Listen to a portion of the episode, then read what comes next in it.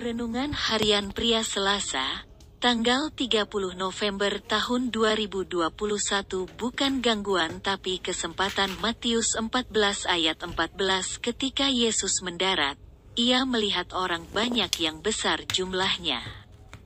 Maka tergeraklah hatinya oleh belas kasihan kepada mereka dan ia menyembuhkan mereka yang sakit.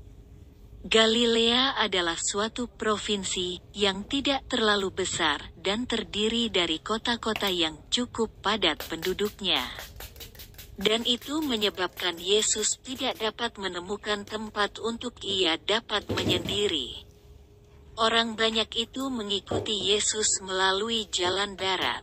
Ketika Yesus mendarat, turun dari perahu, ia melihat orang banyak yang besar jumlahnya, yang membutuhkan pertolongannya. Luar biasa hati Yesus ketika ia melihat orang banyak itu. Belas kasihan Yesus menjamah dan menyembuhkan mereka yang sakit. Padahal tujuan Yesus awalnya adalah mencari tempat untuk ia dapat menyendiri bagi kesegaran tubuh dan jiwanya. Yesus tidak menganggap orang banyak itu sebagai gangguan baginya. Yesus tidak kecewa dan marah dengan orang banyak itu yang sudah mengganggu waktu istirahatnya. Karena Yesus melihat itu bukan sebagai gangguan, tetapi sebagai kesempatan baginya menyatakan kasih dan kuasanya. Bagaimana dengan Anda dan saya?